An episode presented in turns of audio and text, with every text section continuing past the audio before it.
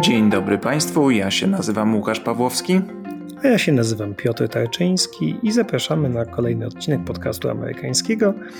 Dzisiaj będziemy mieli odcinek newsowy, bo bardzo wiele się dzieje w amerykańskiej polityce, do tego stopnia, że się nawet zastanawialiśmy, czy najpierw y, opowiedzieć Państwu o Bidenie, który właśnie ogłosił, że kandyduje na kolejną kadencję, czy o tym, że Fox News zwolnił Tuckera Carlsona, ale postanowiliśmy najpierw zacząć od kampanii prezydenckiej 2024, która się właściwie już zaczyna, czy zaczęła. Ale zanim zaczniemy opowiadać o brudnych e, paluszkach, czekoladowym puddingu i kampanii prezydenckiej, to tradycyjnie chcielibyśmy Państwu podziękować za to, że są Państwo z nami w mediach społecznościowych, a także w serwisie Patronite. E, do tego grona, do grona patronów e, w tym tygodniu dołączyły kolejne osoby. Są to Violetta, Monika, Marta i Piotr. Bardzo serdecznie Państwu dziękujemy.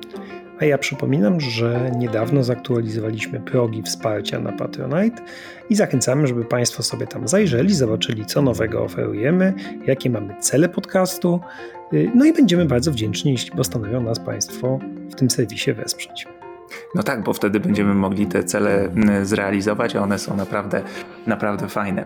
E, także zaglądajcie i, a jeżeli nie możecie nas wesprzeć w Patronite, to polecajcie, oceniajcie nas w mediach społecznościowych i w serwisach streamingowych, e, na których nas słuchacie. To bardzo, bardzo pomaga.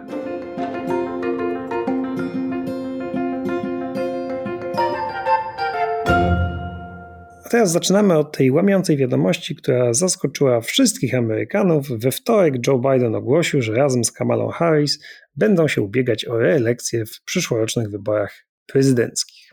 A ogłoszenie nastąpiło równo 4 lata po tym, jak Biden ogłosił swój start w wyborach prezydenckich z roku 2020, a ogłosił prezydent swoją decyzję, wypuszczając taki trzyminutowy e, klip wyborczy. I ta forma, w jakiej ogłosił swój start, jest e, istotna. O niej za chwilę opowiemy Państwu więcej, co z niej wynika, ale na początek e, o tym zaskoczeniu, o którym mówi Piotr, o tym, że nikt się nie spodziewał. No i co, nie spodziewałeś się?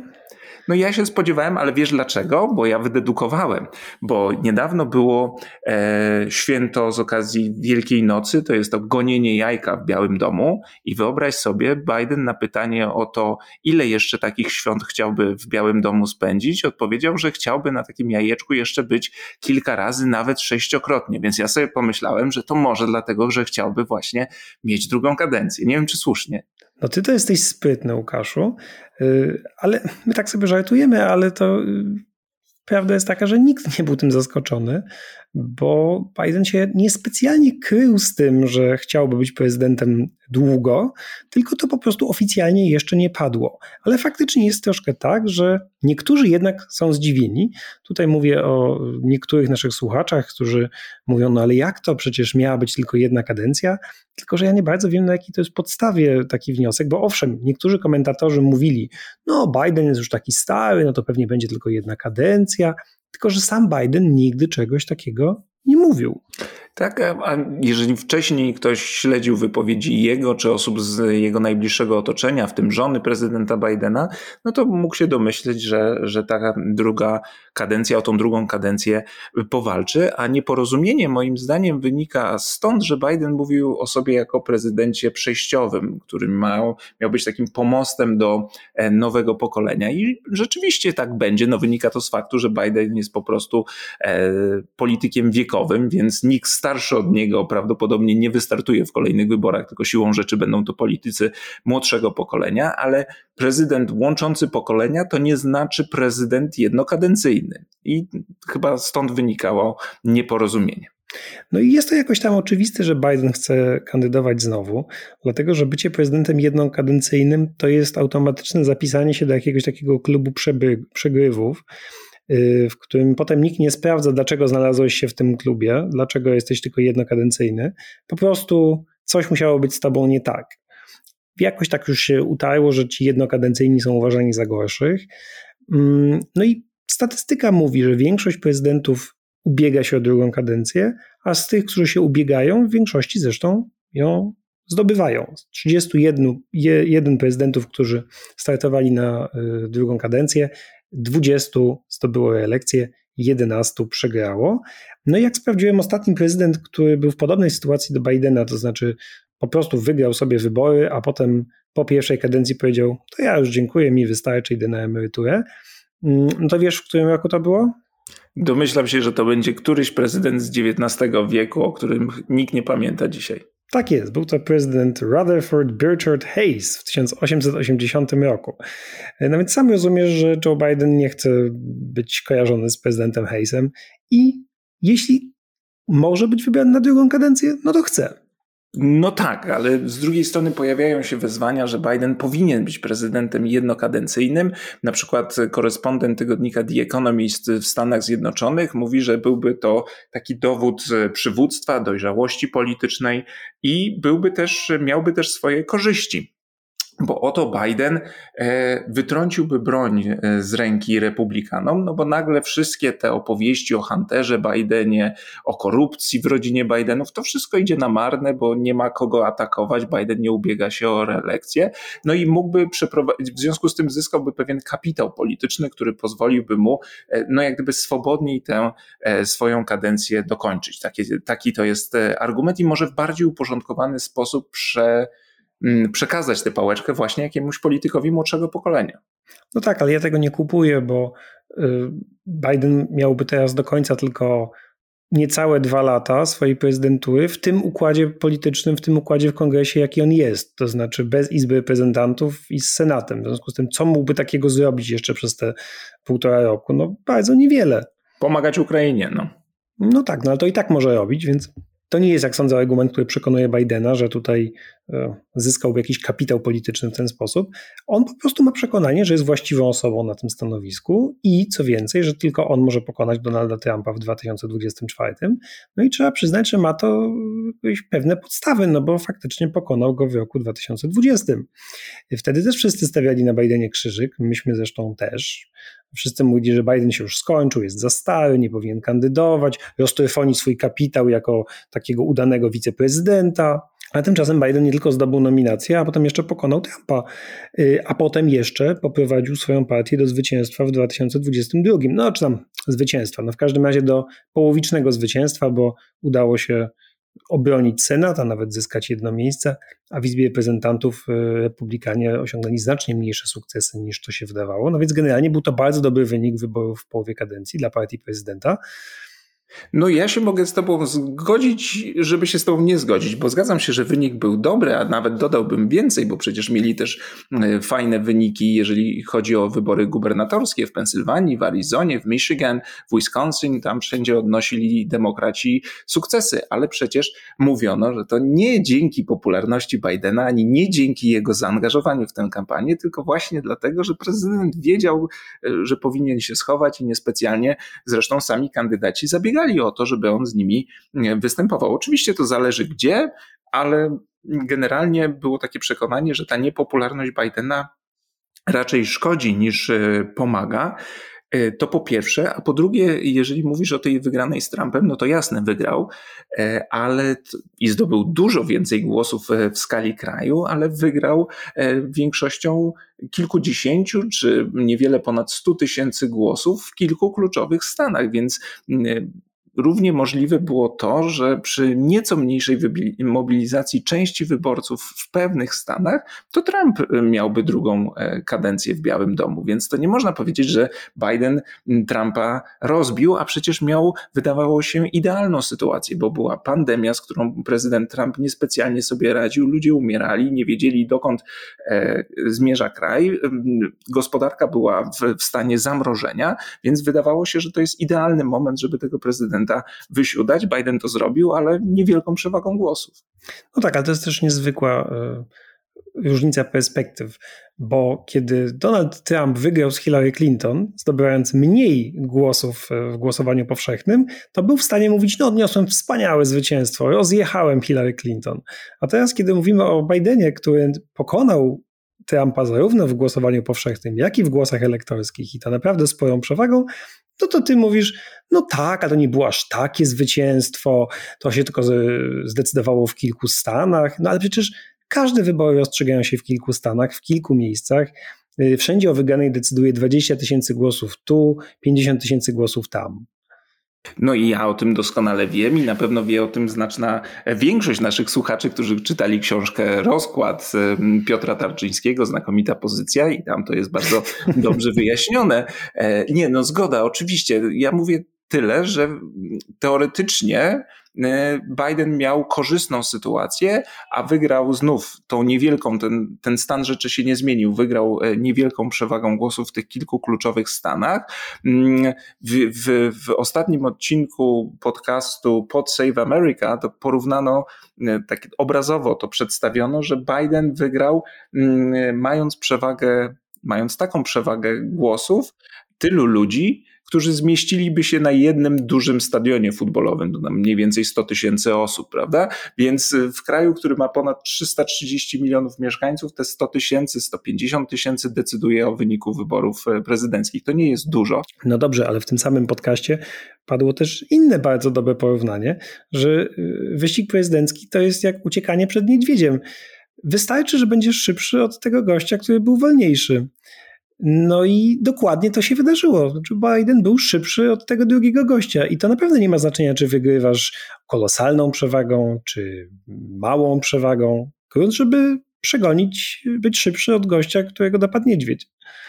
No dobrze, skoro już mamy tutaj przedstawiciela sztabu Joe Bidena, który będzie nas przekonywał, dlaczego to jest dobry kandydat, ja się wcielę w, w dziennikarza e, czy w mm, osobę analizującą sondaże i powiem tak, no wszystko to prawda, tylko że zobacz, po tych e, dwóch latach ponad prezydentury e, Biden ma kiepskie oceny. To znaczy średnia ocen w portalu 538 to jest 42% osób zadowolonych z tego, jak sprawuje swój urząd, a ponad 50% jest niezadowolonych. To jest różnica około 10 punktów procentowych na rzecz tych z oceną negatywną. Ale są też e, sondaże pojedyncze, bo to jest taki sondaż, to jest takie wyliczenie zbiorcze, są też pojedyncze sondaże, na przykład Galupa ostatni, które daje mu tylko 37% ocen pozytywnych. To naprawdę nie jest dużo, także w porównaniu z poprzednimi prezydentami na tym etapie prezydentury. No dobra, no ale jak bierzesz jeden sondaż, to rzeczywiście nie wygląda dobrze. Wydaje mi się, że te zagregowane sondaże, które pokazują jakieś trendy, są bardziej miarodajne i one pokazują, że na tym etapie prezydentury, na którym jest Biden, czyli koło 830 dnia prezydentury, no to on wcale nie wypada tak źle w porównaniu ze swoimi poprzednikami. Yy, ma lepsze notowania niż Trump, ok, gorsze niż Obama, ale przypominam, że na tym etapie prezydentury George Bush senior miał 76% pozytywnych ocen, no i od jego drugiej kadencji już jakoś nie słyszeliśmy, bo przegrał z Billem Clintonem, a gorsze notowania od Bidena na dokładnie tym etapie prezydentury miał kto? Ronald Reagan. Niedużo, bo gorsze tylko o 1%, no ale jednak. W związku z tym wydaje mi się, że ocenianie szans kogoś w wyborach na półtora roku czy na ponad rok przed wyborami na podstawie tych approval ratings, to jest jednak bardzo, bardzo niepewny prognostyk. No, z tymi approval ratings to jest tak, że zależy, gdzie przyłożysz ucho, to możesz różne rzeczy usłyszeć, bo znowu w tym y, sondażu Galupa są też porównania do y, właśnie staty- do danych dotyczących innych prezydentów, ale tam nie ma tego porównania co do dnia, tylko są porównania co do miesiąca i y, jak to wypadali prezydenci y, poprzedni w kwietniu trzeciego roku swojej prezydentury i tam Biden akurat wypada E, najgorzej. To znaczy na drugim miejscu od końca jest Jimmy Carter, który miał 40%, Biden ma te 37%, a Reagan faktycznie wypada słabo, bo ma 42%. I w jednym się z Tobą mogę zgodzić, że to absolutnie nie daje podstaw do przewidywania wyniku, bo mamy George'a Busha seniora, który miał ponad 70% poparcia i George'a Busha juniora też 70% poparcia. Jeden został e, prezydentem jednokadencyjnym, a drugi wywalczył sobie reelekcję. Mało tego, Trump na tym etapie prezydentury miał ciut wyższe poparcie w, tym, w tych sondażach Galupa niż e, Obama. E, to prawda to wszystko się zgadza, ale e, jest jeszcze, to przecież nie koniec. E, to, co wyróżnia Bidena na tle innych prezydentów, to fakt, że duży odsetek Amerykanów w ogóle nie chce, żeby on ubiegał się o e, drugą kadencję i tutaj odstaje bardzo wyraźnie od swoich poprzedników. No i nawet mamy dane pokazujące, że większość wyborców Partii Demokratycznej nie chce, żeby Biden się o tę drugą kadencję ubiegał. No i to jest oczywiście prawda. Siedmiu na dziesięciu Amerykanów nie chce Bidena jako kandydata, tylko co z tego? Bo jeśli Biden powiedział, że będzie kandydował, no to nominację prezydencką ma w kieszeni. Nikt inny nie rzuci mu wyzwania z poważnych kandydatów. Yy, no i co zrobi taki wyborca demokratów, który teraz mówi, że on nie chce, żeby Biden kandydował? No ale jeśli Biden będzie kandydatem jego partii, no to na niego zagłosuje, no bo co? Odda głos protestu na Donalda Trumpa, głos protestu na Rona DeSantisa? No wiadomo, że nie. Jest, alternatywa jest prosta, albo Joe Biden, albo któryś z tamtych. W związku z tym wybierze Bidena. Teraz jest z tego niezadowolony, ale to nie ma żadnego znaczenia, czy Amerykanie chcą, żeby Biden kandydował na drugą kadencję, czy nie, bo na niego będą musieli zagłosować, jeśli nie będą chcieli, żeby prezydentem został któryś z republikanów. No tak, no oczywiście może być demotywujące, jeżeli startuje y, kandydat, na którego no nie masz specjalnej ochoty głosować, który nie budzi twojego entuzjazmu, możesz zawsze zostać w domu, nie? Ale w czasie pierwszej y, kampanii prezydenckiej Bidena, tej w 20 roku, on też nie budził entuzjazmu. We wszystkich badaniach entuzjazmu Biden wypadał słabo. Na pytanie, czy jesteś podekscytowany głosowaniem na Bidena, większość wyborców demokratycznych mówiła nie, ale wolę, żeby wygrał on niż Donald Trump. No i jakby to samo będziesz miał teraz w 2024.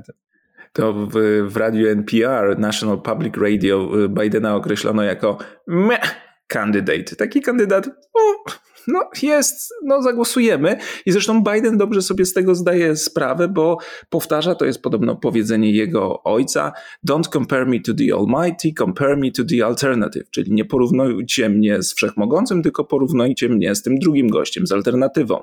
E, no i chyba tak większość wyborców zrobi. I co ciekawe, w tym sondażu, w którym 52% wyborców partii demokratycznej mówi, no nie chcielibyśmy, żeby Biden ubiegał się o reelekcję, jednocześnie 70 y, y, kilka procent, chyba 77 e, ocenia Bidena e, pozytywnie, a 81 mówi, że zagłosuje na niego albo z pewnością, albo prawdopodobnie. No i jest jeszcze jeden powód. Y, tak jak powiedziałem, Biden pewnie uważa, że tylko on może pokonać Donalda Trumpa i faktycznie tak naprawdę trochę nie ma dla niego alternatywy w partii. Y, nie jest oczywiście tak, że nie ma kandydatów czy kandydatek, którzy tylko czekają, aż y, zwolni się miejsce na szczycie tego demokratycznego tykiet. Już tam sobie przebijają nóżkami. I gdyby Biden powiedział, że jednak nie startuje, no to byłaby bardzo zaciekła kampania prawyborcza. Y, jest kilkoro kandydatów, którzy na pewno chcą wystartować. A Twoim zdaniem to by było źle czy dobrze? Czy to by było takie ożywcze, bo by weszły te nowe twarze, byłaby jakaś wymiana idei, trochę by się poboksowali, ludzie by byli tym zainteresowani i podekscytowani? Czy źle, no bo tak by się poobijali, że później jakby poszli do właściwych wyborów, no to byliby już y, no, w pewnym sensie skompromitowani, bo ci konkurenci z prawyborów by im wytknęli te wszystkie błędy, nieścisłości, nie wiem, jakieś ułomności, y, które mają to na pewno, ale też wydaje mi się, że bardzo trudno byłoby im by bronić administracji Bidena po tym, jak sam Biden postanowił nie ubiegać się o reelekcję. Znaczy republikanie z tego też by zrobili zarzut. No to była tak fatalna prezydentura, że nawet Biden nie chce się ubiegać o drugą kadencję, a teraz oni mają tę masę spadkową, po prostu masę upadłościową, której próbują bronić. W związku z tym wcale nie wydaje mi się, że byłoby to dobre, a poza tym w prawyborach, jak wiemy, jednych i drugich, ale w prawyborach demokratycznych trzeba by zabiegać o różne grupy elektoratu. W związku z tym ci kandydaci różni musieliby mówić takie rzeczy, które potem mogłyby się okazać niepopularne w, w wyborach zasadniczych. W związku z tym wydaje mi się, że tutaj ta sprawdzona marka Bidena i to, że po prostu tutaj idzie ten jeden, no może nie lodołamacz, no ale sprawdzony kliper herbaciany, to jest y, lepsze niż. Jest żaglowiec, proszę ciebie jeszcze. No może parowiec, no niech będzie. No tak, e... o, to prawda. Wie, więc wydaje mi się, że te prawybory nie są, nie byłyby wcale korzystne dla demokratów w tej sytuacji, no ale dla porządku wymieńmy, kto przebija tymi nóżkami, skoro powiedziałem, że są takie osoby. No to pewnie gubernator Kalifornii Gavin Newsom, pewnie gubernator no tak, Michigan. On jest słaby, bo w Kalifornii tak demokraci wygrywają, więc to nie jest taki kandydat, który zdobędzie ci tych wyborców, których potrzebujesz. Nie? Gubernator... No tak, no to jemu to powiedz. Dobrze, dobrze. Przy najbliższej okazji. Gubernator e, Pensylwanii, to bardziej. No tak, ale on jakoś na razie jest bardzo świeżym gubernatorem i nie myśli o tym, e, więc, ale wiemy, że Gavin Newsom chciałby być prezydentem, ale ja się z tobą zgadzam, nie oceniam jego szans wysoko. Y, jest gubernator Illinois, J.B. Pritzker, który z kolei ma tę wadę, że jest miliarderem. Y, w związku z tym to też nie jest takie znowu fajne, żeby wystawiać miliardera polityka. Y, no i jest gubernatorka Michigan Gretchen Whitmer, która z tej trójki wydaje mi się najlepszym wyborem. Mm, sprawdzona, wygrała drugą kadencję, jakby sprawdziła się w czasie pandemii. Myślę, że to jest na pewno mocna kandydatka, no ale oni będą musieli poczekać y, do 2028 roku, kiedy się zmierzą o rywalizację jeszcze z taką oczywistą sukcesorką, czyli z Kamalą Harris, która no na pewno będzie wystartowała w prawyborach w 28. To w ogóle jak amen w pacierzu. No, jak Piotr powiedział o tym, że nie warto wystawiać miliardera, to pewnie część z Państwa sobie pomyślała, no halo, ale przecież Trumpowi się udało. No, czy Trump jest miliarderem, tego nie wiemy, bo to różnie z tym oceną jego majątku, ale też warto pamiętać, jak skończyła się kandydatura Michaela Bloomberga e, wśród demokratów, który wyłożył ogromne pieniądze na swoją kampanię mm, w, w prawyborczą, no i e, niewiele z niej wyszło. Wcale nie, zdobył głosy y, delegatów z amerykańskiego Samoa za 100 milionów dolarów na pewno było warto. No dobrze, y, to teraz y, porozmawiajmy jeszcze o tym, y, czy naprawdę nie ma alternatywy dla Bidena. No bo przecież są już konkurenci, którzy się zgłosili i nawet jeden konkurent o dość znanym nazwisku. No tak, to prawda. Tutaj akurat też się prosi takie odwołanie do prezydenta Cartera, bo Bidena się czasem porównuje do Cartera, no, że to jest taki prezydent, który pewnie będzie jednokadencyjnym demokratą, który jest niepopularny. Y, no i tu rzeczywiście warto przypomnieć, że w 1980 roku w prawyborach y, wyzwanie Carterowi, czyli prezydentowi ze swojej partii, rzucił Ted Kennedy, senator Ted Kennedy, brat y, prezydenta i brat senatora Roberta Kennedy'ego. Y, nie pokonał Cartera w prawyborach, ale go trochę poobijał i stało się to, o czym mówiłeś. To znaczy, oni się wzajemnie poobijali, a potem wygrał Republikanin, czyli Ronald Reagan. Ja nawet y, czytałem, że był jeden ze spotów kampanii Reagana, wykorzystywał wypowiedzi Teda Kennedy'ego z y, kampanii prawyborczej, w której to Ted Kennedy mówi, że no dość już inflacji, dość już amerykańskich zakładników, chodziło o kryzys y, w Iranie i dość już Jimmy'ego Cartera. No i Reagan te wypowiedzi wykorzystywał. Więc ja uważam, że to porównanie Cartera do Bidena nie jest takie słuszne, natomiast faktem jest, że póki co jedynym kandydatem, który rzucił Bidenowi wyzwanie w, w prawyborach jest Kennedy właśnie. Robert Kennedy Jr., syn Roberta Kennedy'ego, senatora z Nowego Jorku, y, którego rocznicę zastrzelenia mamy w tym roku w czerwcu w ogóle okrągłą. No tylko, że Różnica jest, powiedziałbym, spora, jeśli chodzi o wagę tych zawodników, bo o ile Ted Kennedy był naprawdę y, lwem Senatu, jak się o nim mówiło, i bardzo wpływowym senatorem i no, ważnym politykiem, to Robert Kennedy Jr. jest jakimś taką czarną owcą tego klanu. Jest przede wszystkim antyszczepem i ja nie wiem, co on jeszcze innego w życiu osiągnął. On się głównie zajmuje walką ze szczepionkami. Słyszałem go zresztą na, tutaj w Berlinie na wiecu antyszczepionkowców nie, że byłem, ale akurat przechodziłem koło kolumny zwycięstwa i on tam przemawiał. Y, no i to nie jest jednak to samo, co Ted Kennedy. Co nie zmienia faktu, że Robert Kennedy ma w sondażach, bo ostatnio widziałem, chyba nawet 19-18%.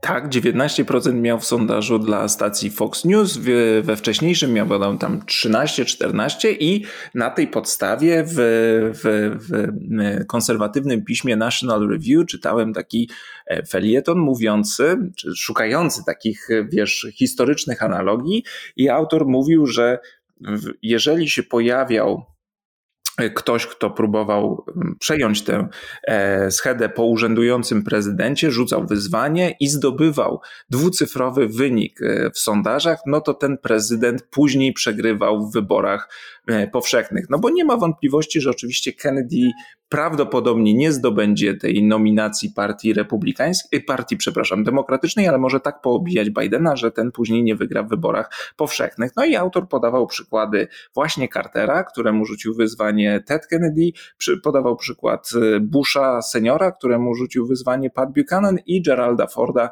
któremu rzucił wyzwanie E, Reagan. No i wszyscy ci panowie e, później swoje wybory przegrali, więc może tak będzie z Bidenem. E, takie jest tam pytanie, ale ja mam pewne wątpliwości, czy Robert Kennedy będzie dostatecznie wytrwałym politykiem, żeby poprowadzić kampanię rzeczywiście od A do Z.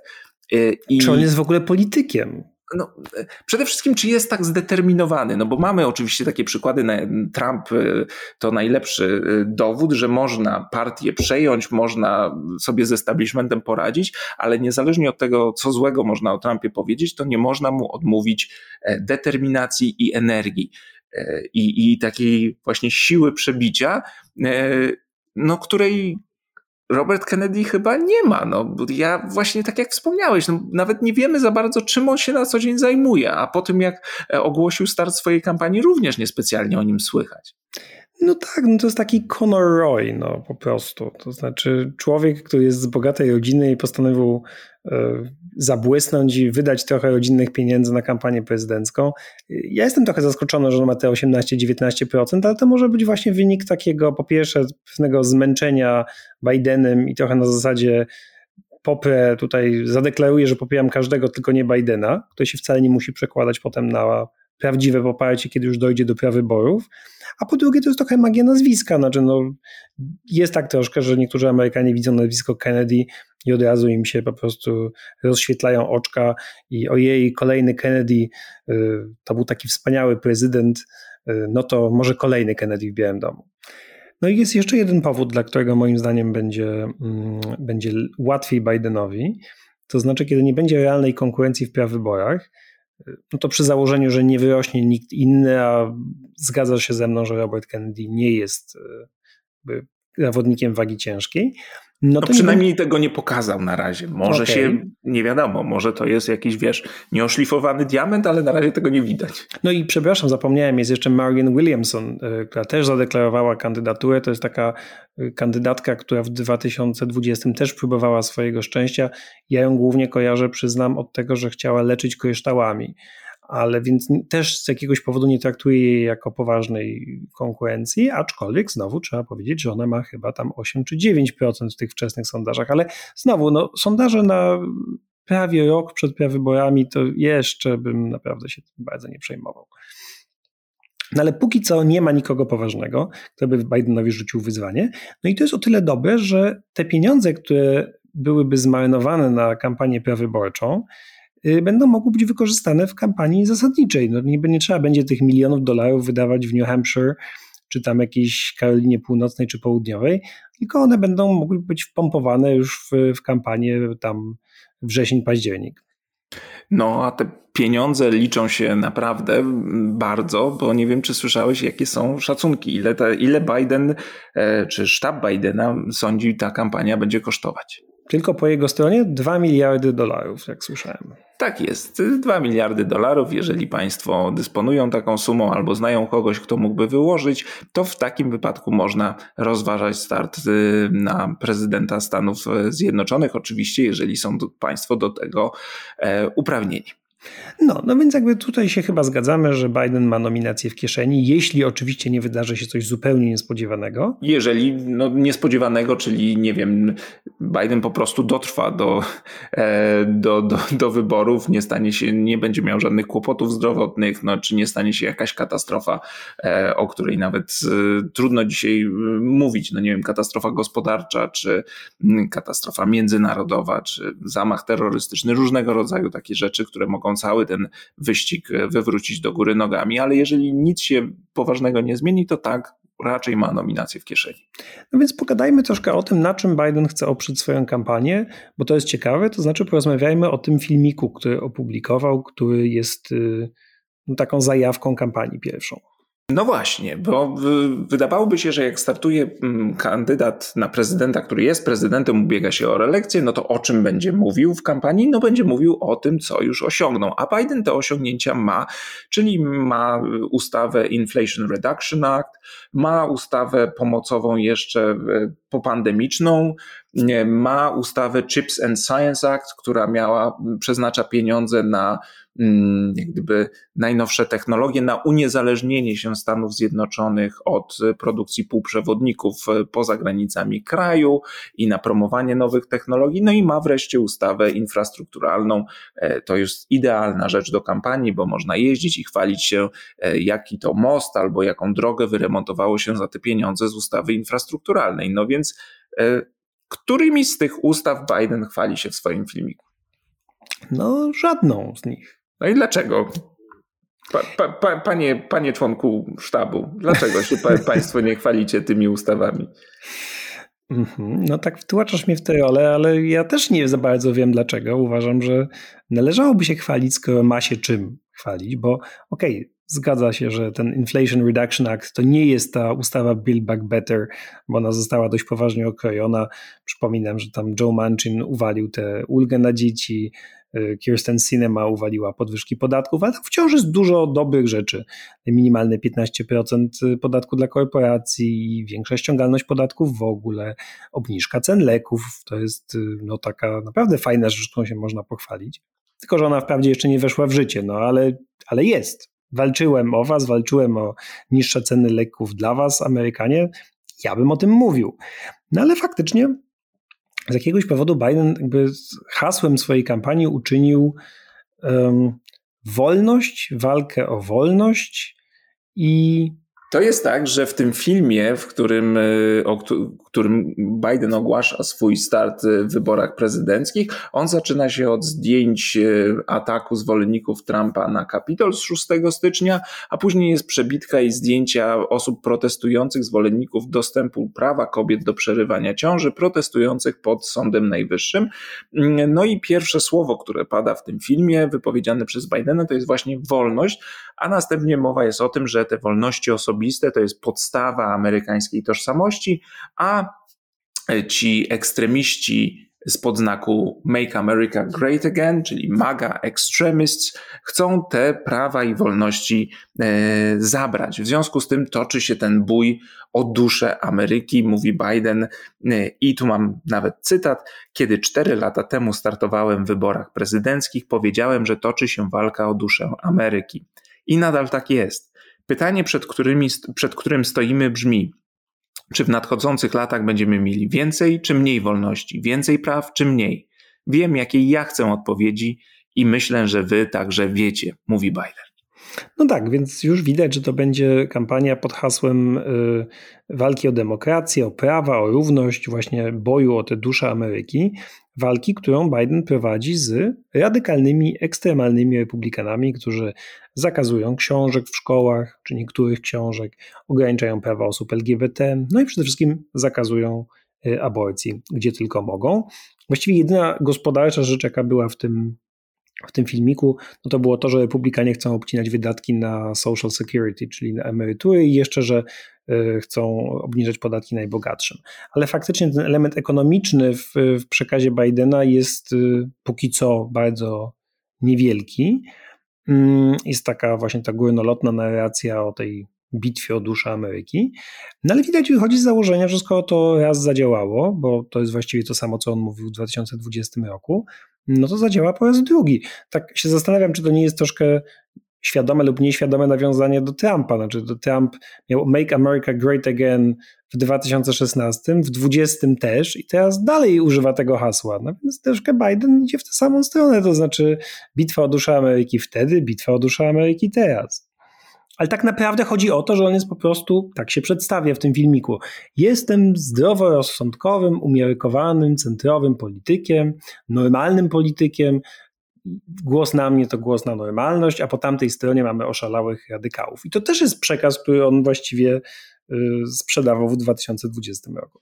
No właśnie, no ale teraz jest, y, będzie kilka lat y, prezydentury i kiedy pada hasło let's finish the job, czyli dokończmy robotę, czy mm, skończmy to, co zaczęliśmy, no to chciałoby się zadać pytanie, no dobrze, no to co już zrobiłeś, drogi Bidenie, w, czasie tej, y, w tych pierwszych lat prezydentury, a on o tym nie mówi, to znaczy nie mówi na jakim etapie realizacji zadania jest, tylko mówi, że ta walka cały czas się toczy i on jest dobrym mm, kandydatem do tego, żeby tej walce nadal przewodzić. Mm, może to jest prawda etapu y, i będzie się chwalił tymi osiągnięciami y, i promował swoje osiągnięcia y, gospodarcze i infrastrukturalne na, no rzeczywiście na dalszych etapach kampanii. No, myślę, że tak, też dlatego, że wtedy będą po prostu otwierane różne inwestycje, będą, będzie, będzie widać skutki tych ustaw, ustawy infrastrukturalnej, ustawy tej Chips and Science Act y, i wtedy będzie czas przecinania wstęg, właśnie jeżdżenia, otwierania fabryk, otwierania mostów i już bądź pewien, że on, Joe Biden będzie latał na te wszystkie wydarzenia i będzie mówił, że o tutaj właśnie linia kolejowa, tutaj most i to wszystko my ponadpartyjnie żeśmy zdziałali.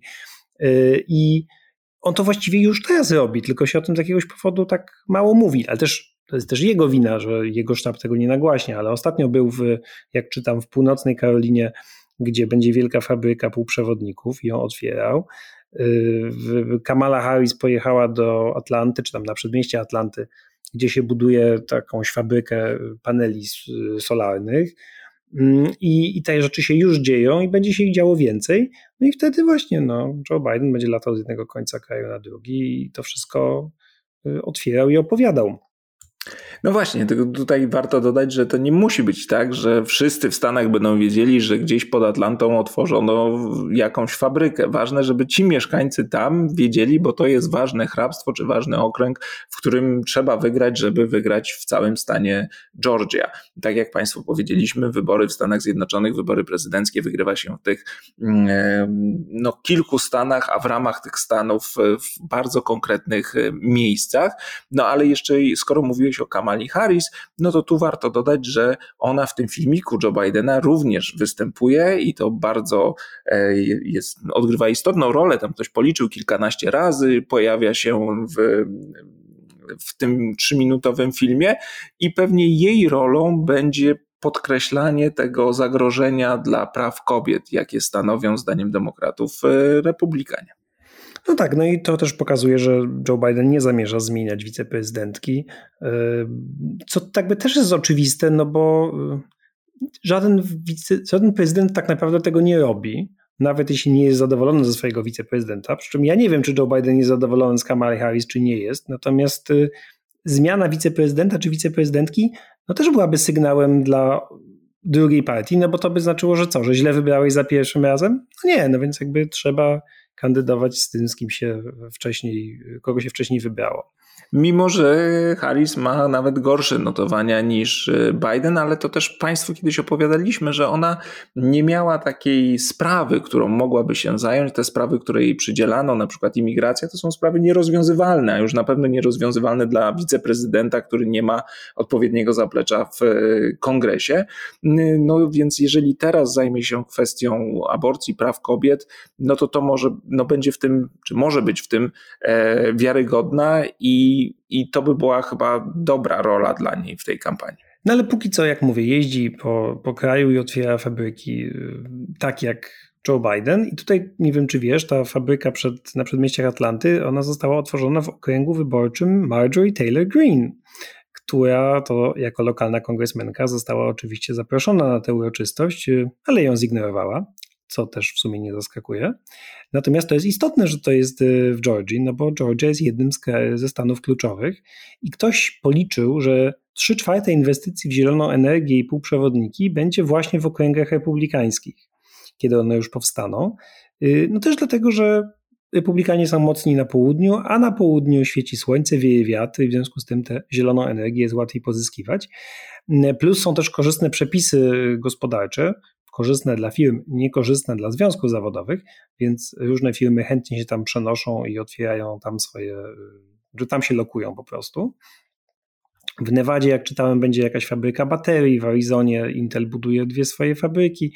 No i jak już to wszystko będzie otwierane w tych republikańskich stanach, w tych stanach bitewnych, w tych okręgach, no to oni się tam wszyscy będą pojawiać. Kamala Harris, Joe Biden, Pete Buttigieg i tak dalej, i tak dalej. No i grunt oczywiście, żeby tamtejsi mieszkańcy połączyli kropki i skojarzyli sobie, że to, mm, no to się wynika z tych ustaw, co to Joe Biden je przyjął. No on naprawdę się musi do tego przyłożyć, żeby ludzie połączyli te kropki, bo póki co y, no tak nie jest rzeczywiście. To znaczy, jak patrzysz na te sondaże, czy ludzie są zadowoleni ze stanu gospodarki, to nawet jeśli są zadowoleni, to w ogóle nie rozumieją, że to się jakokolwiek łączy z Bidenem. No mm, tak, jego opinie, oceny, jeżeli badamy ogólne, to już Państwu mówiliśmy, że ma tę przewagę ocen negatywnych, ale jeżeli się wchodzi w szczegóły i pyta o konkretny obszar polityki, to też wypada Biden słabo. Na przykład to z portalu Real Clear Politics, to są takie zestawienia. Przestępczość, przewaga niezadowolonych nad zadowolonymi z aktywności prezydenta to jest 17 punktów procentowych. Imigracja, przewaga niezadowolonych 24 punkty procentowe. Inflacja 28 punktów procentowych. Nawet w przypadku polityki polityki zagranicznej i zarządzania wojną w Ukrainie przewagę mają osoby niezadowolone, to jest odpowiednio 15 punktów procentowych w przypadku polityki zagranicznej i 7 punktów procentowych w przypadku Ukrainy. No dobra, tylko że rzeczywiście przestępczość jest problemem, migracja jest problemem, a gospodarka ma się naprawdę nieźle w porównaniu z tym, jak się miała. Bezrobocie jest najniższe od 60 lat, wynosi 3,5%. Inflacja owszem była wysoka, ale teraz spadła o połowę z 10 tam do jakichś 5 czy 6%. Y, czyli jest naprawdę dużo lepiej, a równocześnie jakby nikt y, tego nie zauważa w Stanach, znaczy bardzo dużo ludzi tego nie zauważa i w ogóle nie uważa, że Joe Biden się do tego w jakikolwiek sposób przyłożył.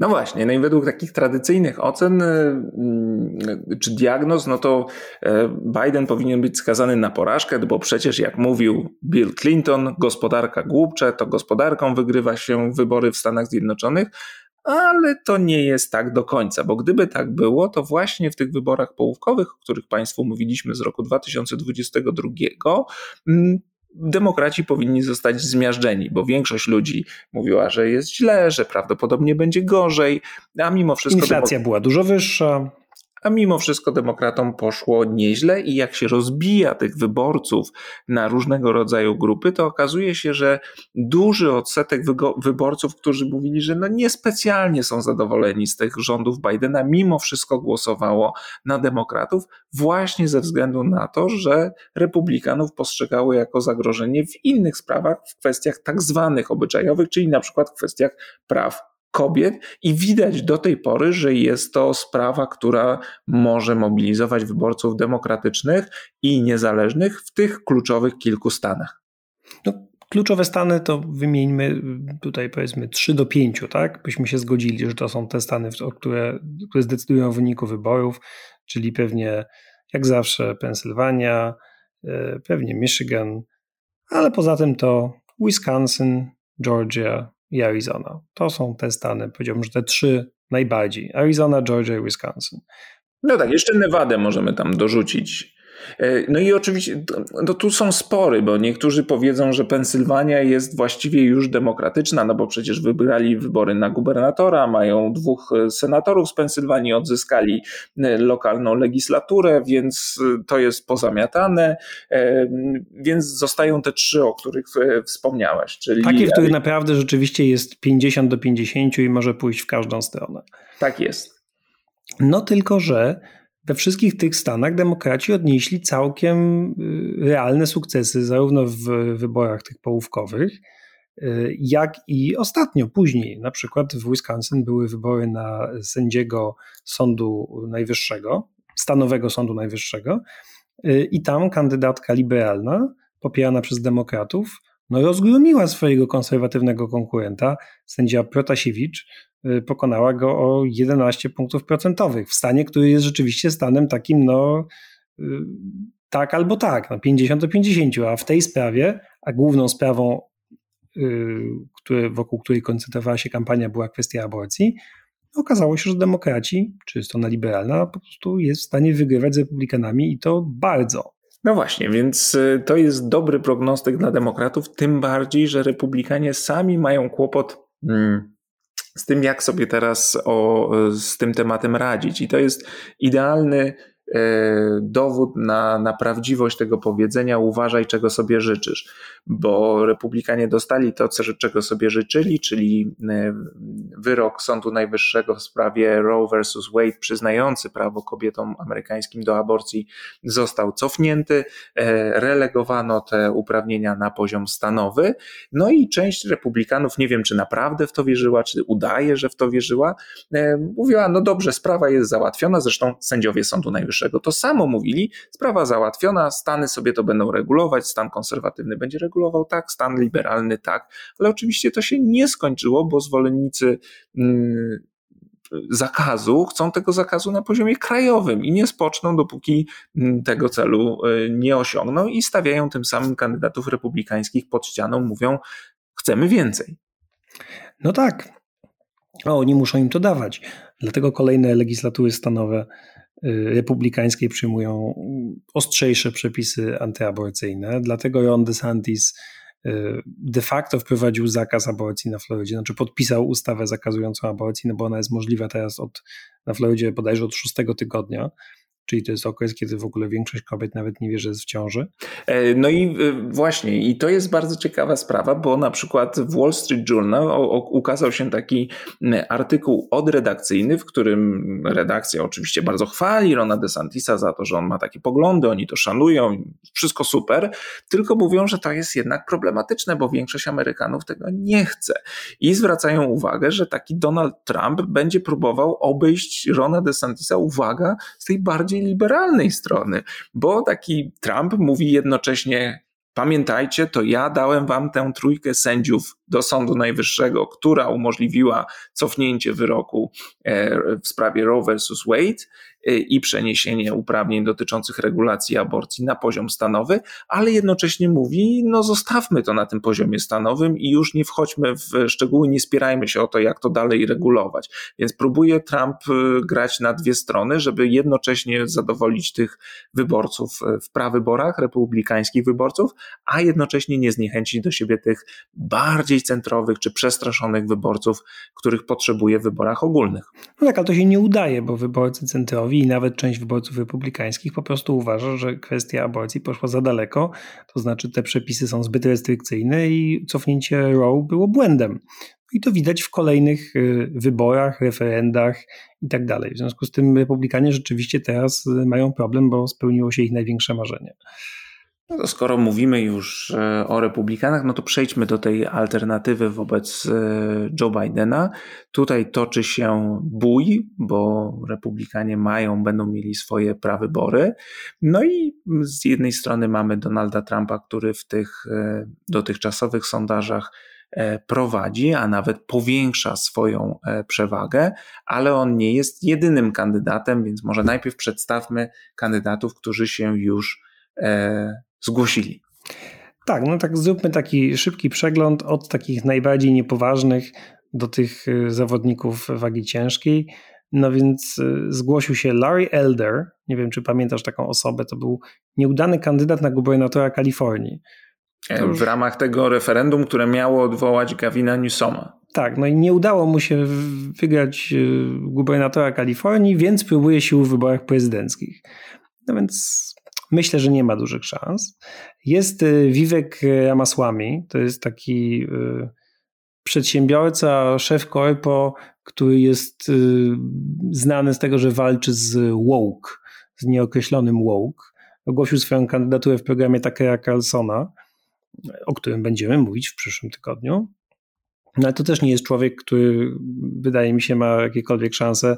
Jakby to, I Elder i, i ten Ramaswamy to są takie osoby, które próbują po prostu zyskać troszkę rozpoznawalności w, startując w prawyborach prezydenckich. No to tak się dzieje. Jak masz trochę pieniędzy, to możesz coś takiego zrobić, więc to są takie osoby. No potem jest taka, taka środkowa półka, która wciąż ma jednoprocentowe poparcie, no ale to są tacy politycy z prawdziwego zdarzenia, którzy pewnie w jakichś normalnych okolicznościach w partii bez Trumpa, no to mieliby realne szanse, wydaje mi się. To jest y, Asa Hutchinson, y, były gubernator Arkansas, Jest to i dwójka polityków z Karoliny Południowej. Z jednej strony Nikki Haley, czyli była gubernatorka tego stanu i była ambasadorka przy ONZ w administracji Trumpa, i Tim Scott, senator z Karoliny Południowej, jedyny czarny republikański senator. No i oni ogłosili swój start, y, ale ja nie wiem, no to są raczej, wydaje mi się, walka o wiceprezydenturę się tutaj odbywa.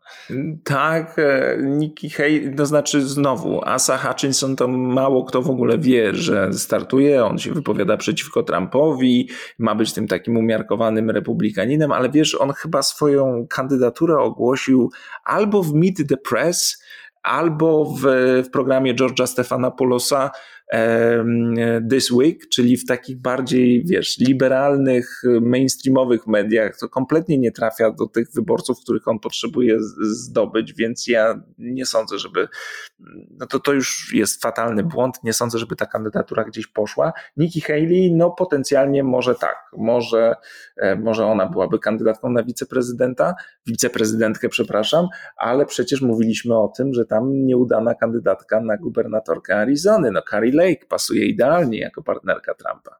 No tak, poza tym Trump nie wybacza nielojalności, a już sam fakt, że Nikki Haley rzuciła mu wyzwanie nie jest tutaj, a wcześniej przecież była w jego administracji, więc tutaj moim zdaniem ona jest już spalona.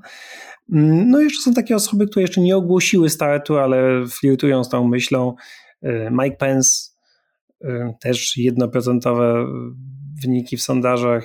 No Podobno... nie, jednocyfrowe, bo on ma tam chyba 5-6%. A nie, no to przepraszam, 5-6%. Bardzo fajnie, ale no to też nie jest moim zdaniem człowiek, który zdobędzie nominację. No podobno też chce Chris Christie, czyli nieudany kandydat z 2020, z 2016, przepraszam. I, no i oczywiście jest wielki nieobecny Ron DeSantis, czyli jedyny człowiek, który naprawdę może zagrozić Trumpowi, a przez chwilę nawet zagrażał w tych e, sondażach. Y, no, oficjalnie wciąż jeszcze nie kandyduje. Tak, ma ogłosić tą swoją kandydaturę prawdopodobnie w połowie maja, chociaż pojawiają się już takie komentarze, że on swój moment y, przespał, bo dobrym momentem były te mm, czas tuż po wyborach y, połówkowych w listopadzie 2022 roku, kiedy republikanom poszło gorzej niż przewidywano, no i powszechnie wszyscy winili za to kandydatów wskazywanych przez Donalda Trumpa. No a mm, w tym samym czasie, w tych samych wyborach Ron DeSantis swobodnie e, wygrał reelekcję i, i, i był takim, taką nową nadzieją Partii Republikańskiej, ale wówczas się nie zgłosił i powoli traci. W sondażach Wall Street Journal jeszcze w grudniu miał 13-punktową przewagę nad e, Trumpem, teraz ma 14-punktową stratę. A w sondażach e, Fox News e, Donald Trump jeszcze w lutym miał 43%, a Ron DeSantis 28%, teraz Trump ma 53%, a DeSantis 21, więc ta różnica pomiędzy panami się zwiększa. No bo tak jak Państwu mówiliśmy, to postawienie Trumpa w stan oskarżenia w Nowym Jorku tak naprawdę bardzo mu pomogło, bo zmobilizowało jego zwolenników, y, ustawiło Trumpa w roli ofiary, a on to bardzo lubi i to znakomicie zawsze działa. Taki umęczony Donald Trump, wszyscy mnie prześladują, wszyscy tutaj źli liberałowie y, mnie krzywdzą. No to naprawdę pomogło mu zaliczyć dużą zwyżkę sondażową. Czy to się oczywiście utrzyma, tego nie wiemy, no ale fakt, bo do wyborów zostało jeszcze, czy do prawyborów zostało jeszcze trochę czasu. Pierwsze prawybory są przecież tam w styczeń, luty, więc to się jeszcze może dwa razy zmienić. Yy, I to, no i to będzie albo Donald Trump, albo Ron DeSantis, jeśli DeSantisowi uda się to jakoś odbić znowu, ale ja trochę w to nie wierzę, bo rzeczywiście DeSantis jest w jakiejś takiej spirali teraz, znaczy co on nie zrobi, to jest źle. No właśnie, jest takie powiedzenie w polityce, że jeżeli ci idzie, to nic nie jest ci w stanie zaszkodzić, a jeżeli ci nie idzie, to wszystko jest ci w stanie zniszczyć. To znaczy, każda wpadka jest, urasta do, do rozmiarów e, klęski. I tak jest w przypadku DeSantisa, też problemem jest to, że on jeszcze nie rzucił się Trumpowi. Znaczy, moim zdaniem są różne teorie. Czytałem taki tekst e, Franka Lanza, z którym kiedyś rozmawialiśmy i puszczaliśmy to w, w jednym z odcinków takiego doradcy czy sondażowca dla partii republikańskiej i on pisze, że to trzeba do tego Trumpa tak, oczywiście go trzeba zaatakować, ale nie można tak zbyt ostro, nie, trzeba ostrożnie podchodzić do jego wyborców. A moim zdaniem to potrzebny jest ktoś, kto po prostu się na Trumpa rzuci, no bo on tylko w ten sposób będzie w stanie go pokonać. Oczywiście powie, że był dobrym prezydentem, ale teraz jest przegrywem, ma procesy, a partia republikańska i ludzie potrzebują spojrzeć w przyszłość, a nie w przeszłość i zajmować się sobą, a nie Trumpem. Ale tego DeSantis jeszcze nie zrobił. No właśnie, a powinien był to zrobić wtedy w, w listopadzie. Rzeczywiście y, był okrzyknięty, pamiętasz, The Future pisały gazety Ruperta Mardocha, no a teraz DeSantis jest, y, no może jeszcze nie pośmiewiskiem, ale no y, naprawdę je, nie jest dobrze. I tutaj przejdźmy do tej tego filmu reklamowego, który sztab Trumpa wypuścił przeciwko DeSantisowi, przeciwko gubernatorowi Florydy, który, przypominamy, wciąż nieoficjalnie nie ogłosił swojego startu w wyborach prezydenckich. Tak, i jeżeli Państwo zastanawiają się, czy kandydować, bo jednak macie te 2 miliardy dolarów, o których mówiliśmy wcześniej, to musicie sobie zadać drugie ważne pytanie: czy kiedyś zdarzyło Wam się zjadać pudding czekoladowy palcami? Bo podobno DeSantisowi się zdarzyło, on w ogóle podobno je no jak świnia, znaczy rzuca się na jedzenie i pożera wszystko, tak gdzieś czytałem. To w Daily Beast był taki artykuł i tam też była historia o puddingu, że tak, pudding na, tak zajada. Na pokładzie samolotu podobno zjadł pudding czekoladowy trzema palcami. No i Wydawałoby się to nic ważnego, ale i z tego sztab Donalda Trumpa jest w stanie zrobić zarzut i stało się to kanwą tego filmiku, o którym mówimy, który na pewno wrzucimy na nasz Facebook, żeby sobie Państwo mogli to zobaczyć i docenić ten mistrzowski, ale obrzydliwy film, ale też jakoś mistrzowski w swojej obrzydliwości, który po prostu jest dobry, dlatego że on zapada w pamięć, y, jest naprawdę obrzydliwy, ale jak już się go raz zobaczyło, no to już nie można odzobaczyć. No właśnie, bo tam jest mowa o tym, widzimy takiego człowieka, który zajada jakiś pudding właśnie palcami, cały jest brudny, ma brudne palce, brudną twarz i... Brązowym puddingiem. Tak jest, a głos z OFU mówi o tym, że Ron DeSantis chce wkładać swoje brudne paluchy na przykład w wasze oszczędności emerytalne, na które tam sobie odkładaliście, a on wam chce to przyciąć. Nawiasem mówiąc, Biden też mówi o tych oszczędnościach emerytalnych w swoim filmiku, oskarżając, że republikanów o to, że chcą dokonać na nie zamachu. No a tutaj Trump oskarża o to DeSantisa. No tak, no i oczywiście chodzi o to, żeby obrzydzić DeSantisa, z jednej strony, z drugiej wydaje mi się, żeby go trochę zinfantylizować, że on jest jak dziecko. Y, to jest y, moja hipoteza, no ale jak czytamy jakieś takie zakulisowe opowieści o tym, jaka ma być strategia Trumpa przeciwko DeSantisowi, no to czytamy, że on na przykład chce go atakować za to, że jest gruby. Co akurat wydaje mi się dość chybioną linią ataku, zważywszy na to, że Donald Trump nie jest jakimś atletą. No ale, y, no ale tak, no trochę mamy taką rywalizację goryli, y, kto jest samcem alfa.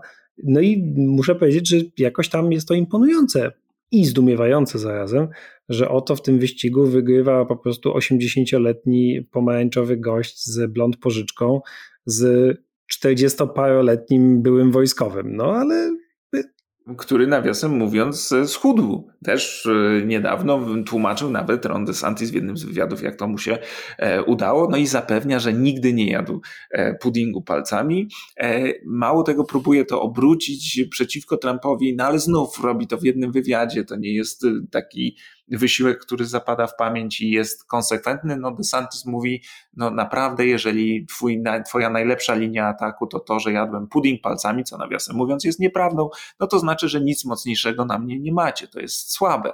No ale znów trzeba zacząć prowadzić kampanię, żeby ten przekaz y, dotarł do, do wyborców, a na razie DeSantis zachowuje się jak typowy polityk, to znaczy jak typowy kandydat, czyli ostatnio wybrał się w podróż międzynarodową, e, żeby pokazać te swoje mm, doświadczenie i obycie międzynarodowe. Odwiedził Izrael, Koreę Południową, Japonię i Wielką Brytanię, co nawiasem mówiąc pokazuje też państwu priorytety, jakie mają, e, jakie miałby prezydent DeSantis, gdzie by lokował E, swoje zainteresowanie. No DeSantis jest też zwolennikiem Brexitu, stąd ta wizyta Wielkiej Brytanii, ale właśnie Izrael, gdzie opowiedział się po stronie premiera Netanyahu i po stronie jego reform, tych kontrowersyjnych reform sądowych. W Japonii chwalił Japończyków za zwiększenie wydatków na zbrojenia, więc mniej więcej widzimy, gdzie, gdzie jest. Ukraina nie jest obiektem jego zainteresowania. On wojnę w Ukrainie nazywał sporem terytorialnym, który nie leży w interesie Stanów Zjednoczonych, no ale buduje właśnie taki wizerunek człowieka obytego w świecie. No to, to jest słuszny krok z punktu widzenia takiej normalnej kampanii. Problem polega na tym, że Trump gra zupełnie w inne zawody. No tak, no to, to jest jak y, zapasy ze świnią w błocie. To znaczy, tutaj, jeśli będziesz próbował y, racjonalnie rozmawiać i prowadzić debatę, no to nie wygrasz. Y, I, no i to też nam pokazuje, na jakim w ogóle poziomie będzie ta kampania prowadzona, bo jeśli tak Trump atakuje gościa, który jeszcze nie wystartował oficjalnie, no to co będzie, jak to będzie wyglądało, kiedy DeSantis już będzie oficjalnym kandydatem? No, mówi się jeszcze o tych jego innych słabościach. E, bardzo często słyszymy i czytamy, że DeSantis jest kiepski w rope line czyli w takim uściskach dłoni, po tym jak kandydat, polityk wygłosi przemówienie, no to powinien przejść się i uścisnąć dłoń, zamienić kilka słów z osobami, które tam przyszły go e, zobaczyć. I Całować dziecko, poklepać no po plecach staruszkę. No takie tam rzeczy. Y, DeSantis podobno jest w tym słaby, Biden jest w tym znacznie lepszy, on w takich kontaktach bezpośrednich podobno wypada bardzo dobrze. Zresztą ludzie, jak spojrzymy sobie na sondaże, to ludzie mają lepszą opinię o nim jako człowieku, tak wydaje im się sympatyczny niż jako prezydencie. E, natomiast DeSantis podobno w tym ma akurat kłopot i znów Trump tego nie robi, ale jakoś jego wyborcom to, to nie przeszkadza. No i ciekawa jest tym też trochę postawa darczyńców i, i władz republikańskich, bo y, ci darczyńcy partii republikańskiej y, zachowują neutralność, jak na przykład y, Peter Thiel, albo już zdążyli poprzeć DeSantisa, jak na przykład Elon Musk czy Kenneth Griffin. I to jest bardzo hojny darczyńca partii republikańskiej, jeden z najbogatszych Amerykanów chyba w pierwszej dwudziestce. No ale teraz jak czytamy, zaczynają się trochę wahać, czy to była dobra decyzja, bo y, no właśnie ta inwestycja się trochę nie sprawdza. No i DeSantis nie ma też poparcia y, kongresmenów ze swojego stanu, z Florydy. I to też słabo wypada. Ostatnio DeSantis był w Waszyngtonie, gdzie miał właśnie tak trochę się poocierać i, i, i po, po, poprawić te swoje relacje, pokazać się jako y, atrakcyjna opcja. I to znowu nie wyszło. Natomiast Trump robi znów dwie sprzeczne rzeczy naraz i nikt, jak gdyby nie ma to dla niego negatywnych konsekwencji. To znaczy Trump mówi, ten DeSantis fatalny gubernator, Floryda w ruinie, proszę Państwa, nic tam nie działa, a jednocześnie Trump mówi, to ja wypromowałem DeSantisa, gdyby nie moja pomoc, to on nigdy nie zostałby gubernatorem. A jeszcze troluje DeSantisa, bo nie wiem, czy wiesz, że zaprosił do Mar-a-Lago kongresmenów floryckich, tych, którzy nie popierają DeSantisa, tylko popierają jego. I oni musieli tam pojechać niejako jakby pokazać się, że Przecież to było zrobione wyłącznie po to, żeby dogryźć DeSantisowi. Zobacz, ty sobie jeździsz po świecie, a tutaj florydcy kongresmeni przyjeżdżają do mnie, żeby ucałować pierścień. No naprawdę inna liga trochę prowadzenia kampanii. Y, Donald Trump i Ron DeSantis. No i wydaje się faktycznie, że ten DeSantis, jeśli coś się nie zmieni, no to, y, no to tak, to przegapił swoją szansę i nominatem partii republikańskiej będzie Donald Trump i szykuje się nam powtórka rzeczywiście z 2020 roku. Z czego, o ile pamiętam, w jednym sondażu 5% ankietowanych powiedziało, że chciałoby takiej powtórki. No to dostaną. Bo demokracja to jest, proszę Państwa, taki system, gdzie większość ma zawsze rację. No chyba, że Stany Zjednoczone, tam jak wiemy, większość bardzo często nie ma nic do gadania. E, na dziś to wszystko. Bardzo serdecznie Państwu dziękujemy, a w przyszłym tygodniu e, wracamy z odcinkiem na temat e, pewnego słynnego amerykańskiego bezrobotnego, czyli Tuckera Carlsona, byłej już największej gwiazdy stacji Fox News. Porozmawiamy, opowiemy Państwu o jego karierze i o tym, jaki miał wpływ na amerykańskie media i amerykańską politykę. I będziemy się zastanawiać, dlaczego stracił pracę w Fox News. A na dziś to wszystko. Bardzo Państwu dziękujemy i do usłyszenia. Do usłyszenia.